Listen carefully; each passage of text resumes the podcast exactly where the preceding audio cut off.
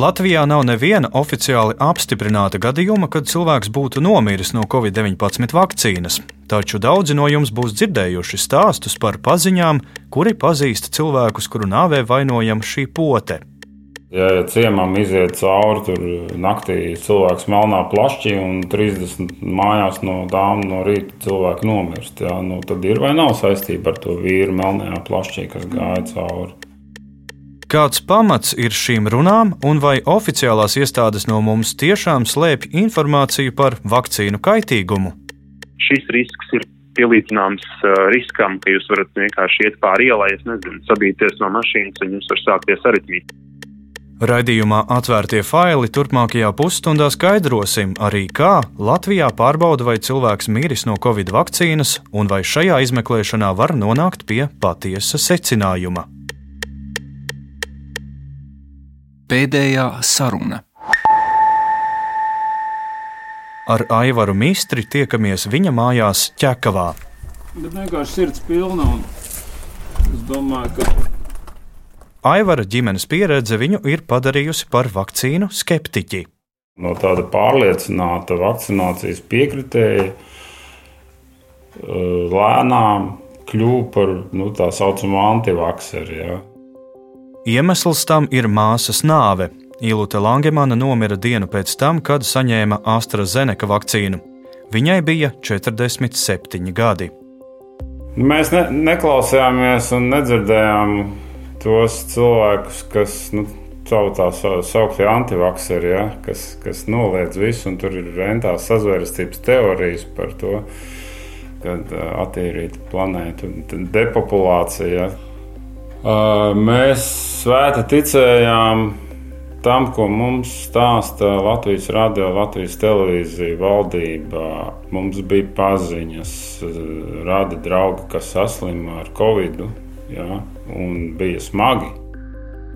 Aivara draugu lokā ir mediķi, kuri poti saņēma pirmie. Stāstījuši par blaknēm, augstu temperatūru, galvas sāpēm, taču Aivara ģimeni tas nebiedēja. Viņi ticēja, ka pēc potes viss atkal būs labi. Un uh, gaidījām, šausmīgi gaidījām, kad būs vakcīnas. Aivara māsa Ilūta Langemana strādāja sociālās aprūpes centrā Rīga, kas atrodas Juglā. Viņiem tie klienti ar covid diezgan smagi cīnījās un saslima. Un tāpēc viņa bija tādā diezgan augsta riska grupā. Cik zinu, tad viņas, kā viņa stāstīja, viņai kolēģis blakus kabinetā ar tādu, nu, attiecās viegliprātīgi, maigi sakot pret to visu, un viņas visas saslima. Un man šķiet, ka pat uh, divas smagi. Savukārt māsa ar kolēģiem savā kabinetā teica, ka mēs strikt ievērojam visu, visu nepieciešamās prasības, tātad maskas visu laiku, un, un rokas dezinfekcijas un tā tālāk. Un, Un viņi izvairījās, un viņi sagaidīja to vakcīnu. Viņiem deva AstraZeneca. Aivars rāda māsas vakcinācijas pases fotoattēlu. Tajā redzams, ka pirmā deva saņemta 17. februārī. Otrajai bija jābūt pēc mēneša, taču realitātē to nācās gaidīt ilgāk. Ražotājs kavējās ar piegādēm. Ilūta savu otro poti saņēma 5. maijā, Nākamajā dienā, 6. maijā, Aivaram ir dzimšanas diena. Māsa no rīta zvanīja apsveikt.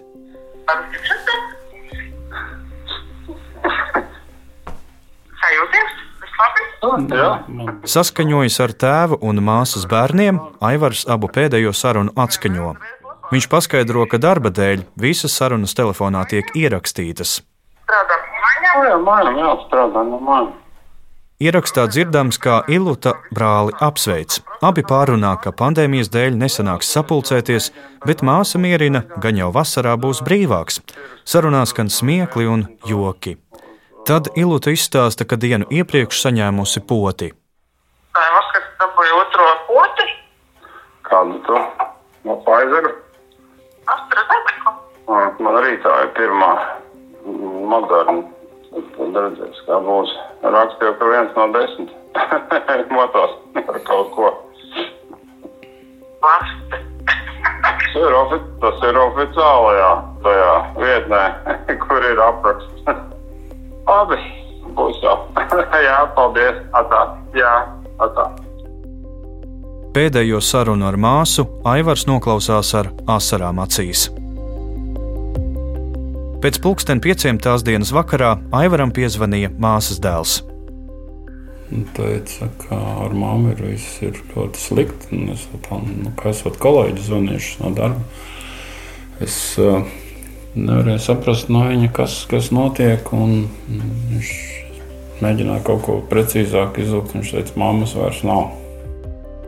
Aivars devās uz Juglu, uz Ilutas darba vietu. Māsas kabinets sociālās aprūpes namā atradies trešajā stāvā. Kolēģis Aivaru sagaidījušas lejā un kopā devušies augšup.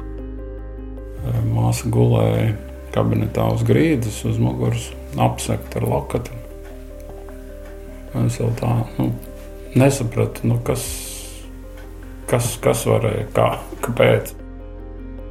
Sieviete, ar kuru Iluta bijusi vienā kabinetā, stāstījusi, ka tajā pēcpusdienā abas strādāja pie datora.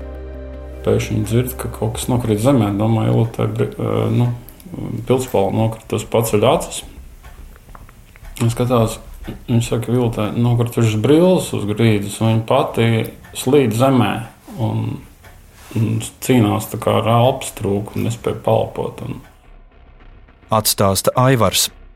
Sociālā aprūpes nama medmāsa sniegusi pirmo palīdzību. Arī neatliekamā medicīniskā palīdzība ieradusies nekavējoties. Ātrie bijuši klāt, nu viņi uzreiz konstatējuši šo klinisko nāvi. Mediķi teikuši, lai sauc policiju un aizbraukuši. Savukārt policija deva Aivaram parakstīt lapu, ka atsakās no krimināla procesa rosināšanas, jo nāve nav vardarbīga un policijai nav ko izmeklēt.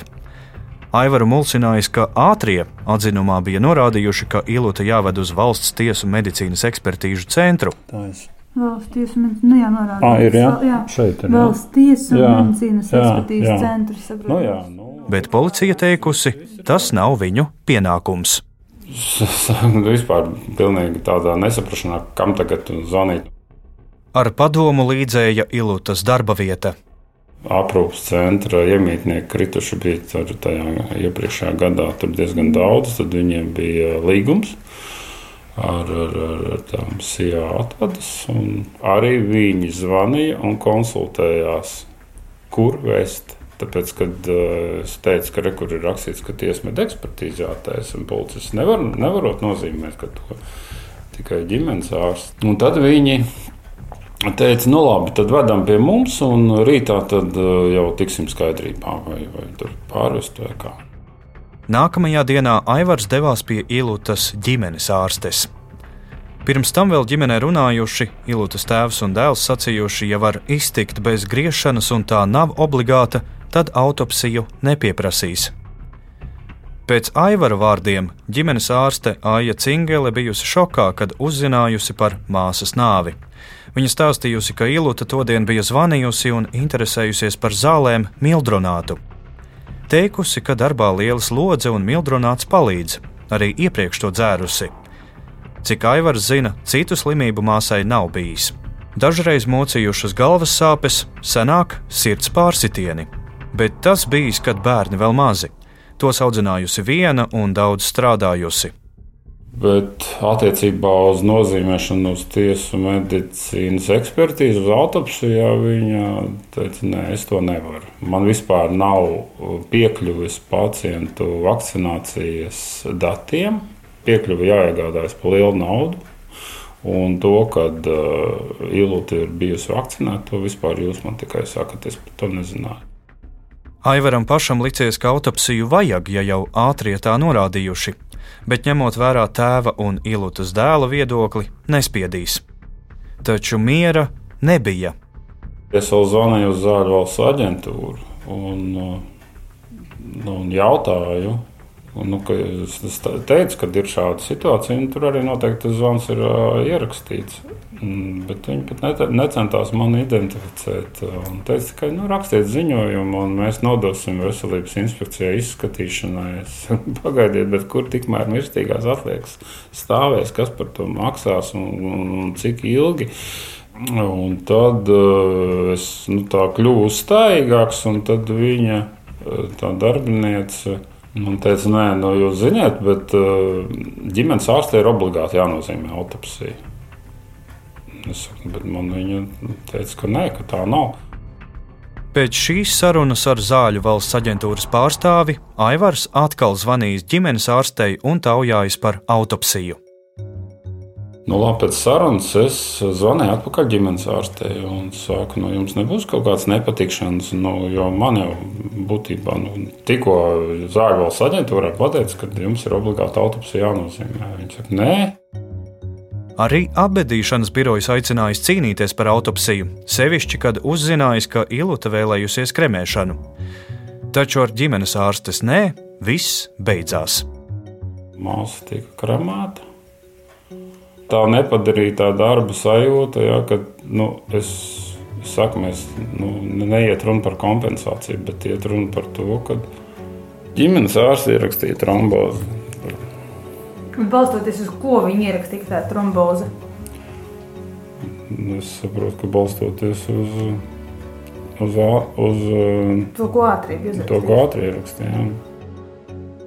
Ar tuvinieku atļauju ātrās palīdzības izziņu parādījām vairākiem ārstiem un jautājām, vai pēc tajā rakstītā var izsecināt, ka cilvēks miris no koronārās trombozes, kā ierakstījusi ģimenes ārste. Visi kā viens teica, ka ātrā izziņa to nepasaka. Vēl jau vairāk, brigādes ārsts nāves cēloni līdzis noteikti tiesu medicīnas ekspertīžu centram. Latvijas radio sazvanīta ģimenes ārste Aija Cingele ir nevaļīga. Saka, telefoniski pacientus neapspriedīs. Zinu, ko jūs runājat, es nevienā esmu neko atrunājusi. Nezinu, jūs runājat ar cilvēkiem, kas ir bijuši. Vai arī nākat kopā ar tiem cilvēkiem, ja tādi man nav nekāda informācija par šo. Es nezinu, es saku, tā ir pacienta datu aizsardzība, man ļoti grūti. Droši, ja tas ir, ja jūs zinat, tad nākat ar radiniekiem, mēs izrunāsim te visu kopā. Es varu atvainot, man iet. Jā, jā, vislabāk. Aivars pie ārstes kopā iet nevēlējās, taču šī pieredze viņu padarījusi par vakcīnu apšaubītāju. Aivars ir pārliecināts, ka māsas nāve saistīta ar vakcīnu. Ja, ja ciemam iziet cauri tur naktī cilvēks melnā plašķī un 30 mājās no dāmas no rīta cilvēki nomirst, jā, nu, tad ir vai nav saistība ar to vīru melnajā plašķī, kas gāja cauri vai pats pēc māsas nāves ir potējies. Es sapotējos, man visi domāja, ka es esmu idiots. Es nākošā dienā man bija ieplānota 7. maijā moderna, pat neticēju, ka es to daru nākošā dienā pēc māsas nāves. Vecāki gan pēc otrās AstraZeneca potes nav aizgājuši. Vai ilūtas nāvē ir vai nav vainojama vakcīna, īstenībā tā arī paliks nenoskaidrots. Zāļu valsts aģentūrai oficiālu iesniegumu neviens neuzrakstīja, autopsiju neuztaisīja, un visticamāk neviens par to arī neatbildēs. Lai veselības inspekcija veiktu pārbaudi, vajag iesniegumu, bet tāda nav. Kamēr Latvijā nav pierādīta neviena cilvēka nāves saistība ar vakcīnu, citvietā pasaulē daži pavisam nedaudzi gadījumi ir. Risks un ieguvums. I'm Lisa with you till 12. Now, maybe you are partial to a little bit of Danish hug. Or... Pagājušajā pavasarī, apmēram trīs nedēļas pēc AstraZeneca pirmās potes saņemšanas, nomira BBC radiožurnāliste Lisa Šova. Britu avīze The Guardian augusta beigās izplatīja ziņu, ka patologanatoms, izmeklējot 44 gadus vecās sievietes nāvi, secinājis, Viņa mirusi pēc potes radītajām komplikācijām. Lisai Šovai bija asins izplūdums smadzenēs, kuru izraisīja vakcīnas radīts tromps. Saikne starp AstraZeneca vakcīnu un retiem trombu gadījumiem ir, bet vakcinācijas iegūmi ir lielāki par riskiem. Tā jau pavasarī paziņoja Eiropas zāļu aģentūra. Tā padziļināti pētīja 86 trombu rašanās gadījumus, 18 no tiem bija beigušies ar nāvi. Uz to brīdi Eiropā AstraZeneca pote bija saņēmuši 25 miljoni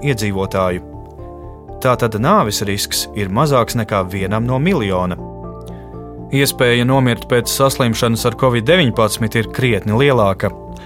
Vairumā valstu nomirst ap 2 līdz 3% saslimušo. Līdz ar to Eiropas zāļu aģentūra atzina, ka saslimšana ar covid-19 ir lielāks draudz veselībai, un Oksfordas Universitātē radīto vakcīnu neaizliedza. Dažas valstis, kā Norvēģija, Dānija un Islande, gan apturēja AstraZeneca izmantošanu, Kopš vasaras, kad ir pieejamas citas vakcīnas, faktiski to nepotē arī Latvijā, izņemot otrās devas. Latvijas zāļu valsts aģentūra, atsaucoties uz kolēģu pētīto, norāda, ka trombu veidošanās galvenokārt novērota sievietēm līdz 60 gadu vecumam, divu nedēļu laikā pēc vakcinācijas. Retā ar trombozi saistītā blakne parādījusies vīrusu vektoru vakcīnām, tātad jau minētajai AstraZeneca un arī Johnson Johnson. Jaunā tipa, tā dēvētajām RNS vakcīnām, kuras pazīstamas ar nosaukumu Pfizer, BioNTech un Moderna, trombu blaknes nav. Taču ir cita reta blakne - miocardīts. Risks ir līdzīgs kā trombu gadījumos, vienīgi šī blakne biežāk ir jauniem vīriešiem. Ja mēs runājam par vakcīnām, tad pirmais, kas jāsaka, ka patiešām šī vakcīnu un trombozes risks ir ļoti, ļoti neliels. Patiesībā tā ir ļoti, ļoti reta parādība. Nu, lai saprastu, procentuāli esmu skatījies, nu, principā tie ir kaut kur trīs vai pat četras zīmes aiz komata. Saka Stradiņas slimnīcas kardiologs un RSU asociētais profesors Kārlis Trušīnskis. Šis risks ir pielīdzināms uh, riskam, ka jūs varat vienkārši iet pāri ielai, nezinu, sabīties no mašīnas un jums var sākties aritmija. Tas ir tā kā vienlīdz iespējamas situācijas. Trušīnskis saka, tas ir tāds pats skaits, ar kādu mediķi saskārās arī pirms Covid-19 potes izgudrošanas nāvis gadījumi ir vēl mazāk. Papētījām Latvijas iedzīvotāju nāvis cēloņu datubāzi. Tā rāda, ka dažādi trombožu veidi 2019. gadā kā pamata nāvis cēlonis bija 441 cilvēkam, pērn 459. Masu vakcinācija sākās šogad, un pirmajos sešos mēnešos no trombozes miruši 228. Tātad lielu izmaiņu vai būtiska pieauguma nav. Kardiologs Trošinskis skaidro, ka cilvēkiem, kurus pēc vakcinācijas skārusi tromboze, jau ir bijuši kādi trombu veicinoši faktori. To rāda arī zāļu valsts aģentūras izmeklētie gadījumi, lai gan tuvinieki mēdz apgalvot, ka cilvēks ir bijis pilnīgi vesels. Starp riska faktoriem var būt gan smēķēšana, gan, piemēram, orālās kontracepcijas lietošana sievietēm. Tieši pēdējo saista ar 30 gadus vecas Rīgas skolotājas nāvi, kas šovasar izraisīja plašu rezonanci medijos un sociālajos tīklos. Viņa mira 40 dienas pēc Pfizer BioNTech vakcīnas saņemšanas. Šo gadījumu Zāļu valsts aģentūra izmeklēja. Autopsija uzrādīja, ka skolotāja mirusi no plaušu embolijas jeb tromba plaušu asinsvados. Savukārt eksperti secināja, ka tromba veidošanās saistīta ar citu sievietes lietoto medikamentu, kura lietošanas instrukcijā ir iekļauts brīdinājums par trombu risku, kas vienā līdz divos procentos gadījumu var izraisīt nāvi. Datu aizsardzības nolūkos zāļu aģentūra sīkāku informāciju nesniedz, bet skolotājas māsa ar ekspertu atzinumu dalās antivakcīnas aktīvistu Facebook lapā. Komisija ir secinājusi, ka pēkšņa nāve ir ticami saistāma ar lietotās kontracepcijas līdzekļa jasminēla apvalkotās tabletes lietošanu. Antivakcīnu aktīvisti šo slēdzienu apšauba. Kaut jebkurš internetā var atrast jasminēlu zāļu lietošanas instrukciju un pārliecināties, ka tajā liela sadaļa ir atvēlēta trombu veidošanās riskiem. Tikmēr Pfizer BioNTech vakcīnai, kuru saņēma skolotāja, trombu veidošanās blaknes nav reģistrētas. Vai pote var sācināt chroniskās slimības vai izraisīt trombus kombinācijā ar citām zālēm, ko cilvēki lieto, piemēram, kontracepcijas tabletēm? Nē, tas nav konstatēts. Atbild Zāļu valsts aģentūras vecākā eksperte Zane Neikena. Protams, vienmēr ir ieteikts, ja cilvēks dodas vakcinēties, tad slimības stāvoklis ir jāstabilizē. Jo, protams, ka arī kaut vai šī pati paaugstinātā temperatūra, tā var pasliktināt jau esošās kroniskās slimības. Ārsti atzīst, ka saprot, pieņemt tuvinieku nāvi ir grūti. Taču, ja nomirst vakcinēts cilvēks, tas automātiski nenozīmē, ka vainīga vakcīna. Turpinājumā fragments no Stradiņas slimnīcas ārsta Kārļa Rāceņa teiktā LTV raidījumā aizliegtais paņēmiens. Šobrīd mēs ļoti sāsināti uztveram tādu jautājumu kā cilvēku nāvi, kas, protams, ir ļoti smags notikums, bet mums ikdienā katru dienu slimnīcā mirst jauni cilvēki. Iepriekš mēs nekad neteicām tā, mums nomira cilvēks, un tad skatīsimies visus medikamentus, vai tie ir saistīti ar to, ka šis cilvēks mirs vai nav. Mēs ejam loģikas principu, kāds ir viņa blakus slimības, kāds ir viņa fons. Medicīnā vērtē risku un ieguvumu attiecības. Vai risks saskarties ar kādu zāļu radītu blakni ir lielāks par ieguvumu? Pasargāt lielu cilvēku masu no bīstamas slimības un nāves. Daudz saka, nu, ja man būs, tad es tur lietošu zāles un tā tālāk. Viens no galvenajiem medikamentiem COVID-19 ārstēšanā ir glikokortikosteroīdu deksmetas, kur ļoti plaši izmanto medicīnā. Bet viņam ir savas, teiktas, ļoti zināmas un biežas blakus parādības. Attīstās cukura diabetes, ir hipervās krīzes, paaugstināts asinsspiediens, pievienojas sekundāras bakteriālas infekcijas, rodas osteoporoze, tiek mainīts hormonālais disbalans, ļoti daudzas sekas. Un tad ir tas jautājums, kāds ir risks arī tikt ārstētam. Par šo tik daudz pat nemaz nerunā, jo tur ir ļoti daudz blakus parādības. Kardiologs Kārlis Trušinskis neslēpj, ka mūsdienu ārstēšanas metožu, ne tikai Covid-19 vakcīnas, ilgtermiņa efekts nav zināms. Toties ir skaidrs, kādas sekas uz dzīves kvalitāti atstāja Covid-19 pārslimošana. Izmeklēšana. Raidījuma tapšanas laikā Zāļu valsts aģentūrā Latvijā bija saņemti 26 ziņojumi par gadījumiem, kad cilvēks miris pēc potēšanas. Četros gadījumos izmeklēšana vēl turpinās. Pārējos secināts, ka cilvēki miruši kādas citas slimības dēļ, vai kā skolotājas gadījumā, citu medikamentu dēļ. Taču raidījuma sākumā minētais Ilūtas Lankemanas piemērs rāda, ka vismaz viens gadījums īstenībā nav izmeklēts. Vai ir vēl citi? Šādu ziņu nav. Zāļu valsts aģentūras vecākā eksperte Zane Neikena stāsta par vairākiem gadījumiem, kad nav bijis iespējams veikt autopsiju, jo radinieki to nav vēlējušies.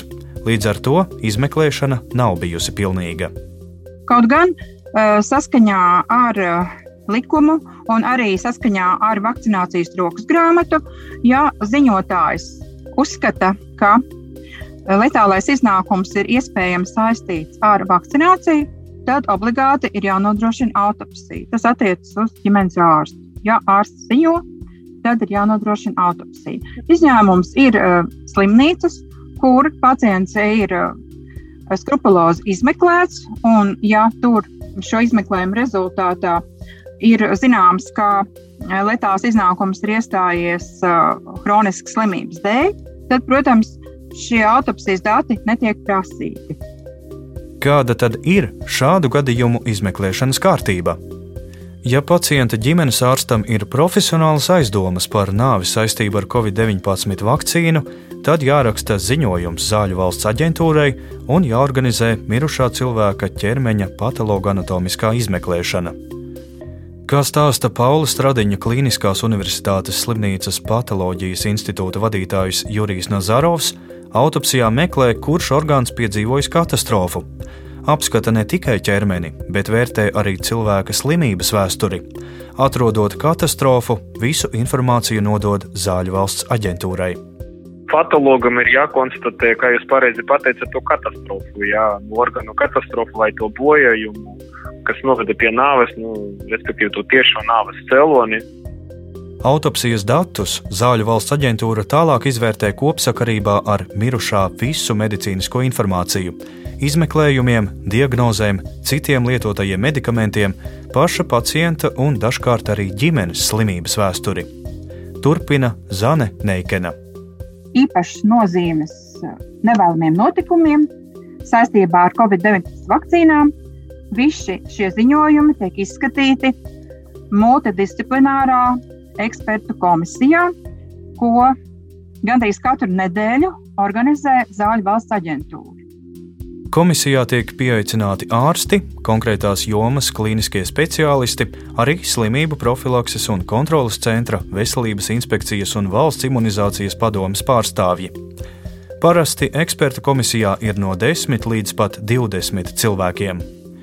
Kad secinājumi ir skaidri, par tiem informē ziņotāju, un secinājums arī publicē aģentūras mājaslapā, kur tie ir publiski, bet neidentificējot konkrēto pacientu un šobrīd secinājumi ir tādi, ka nevienu nāvi Latvijā Covid vakcīna nav izraisījusi. Latvijas radio ir zināmi vēl vairāki gadījumi, kad tuvinieki vienkārši netic slēdzienam. Raidījuma veidošanas laikā pārliecinājāmies arī par klaju dezinformāciju. Piemēram, internetā atrodams stāsts par kādas smiltenes ārstes vīru, kurš it kā esot miris automašīnā pie vakcinācijas punkta uzreiz pēc potes saņemšanas.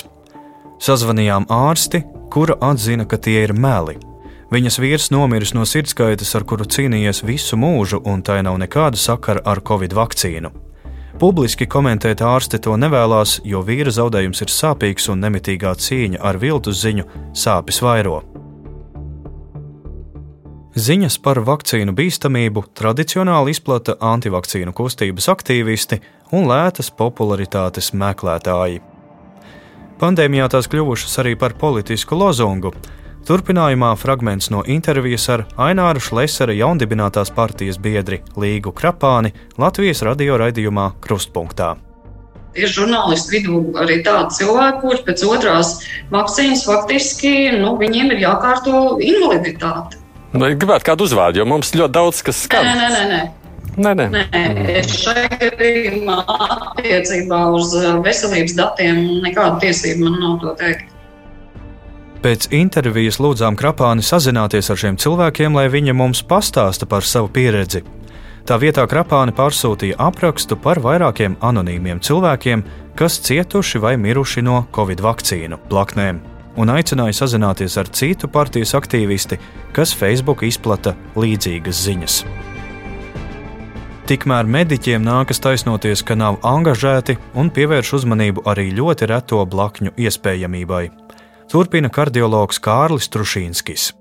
Ārsti ir vispārīgāk kaut kādā ziņā visinteresētākie uzzināt par šīm blaknēm. Jo skaidrs, ka uh, mēs uh, nelietojam ierīces, medikamentus, metodus savā praksē, kuras apdraud pacientus. Arī Zāļu valsts aģentūras eksperte Zāne Neikena atkārto, ir jāuzticas medicīnai. Manuprāt, ka būs vakcīnas, par kur lietošanu ir mazāk pieredze nekā par Covid-19 vakcīnām.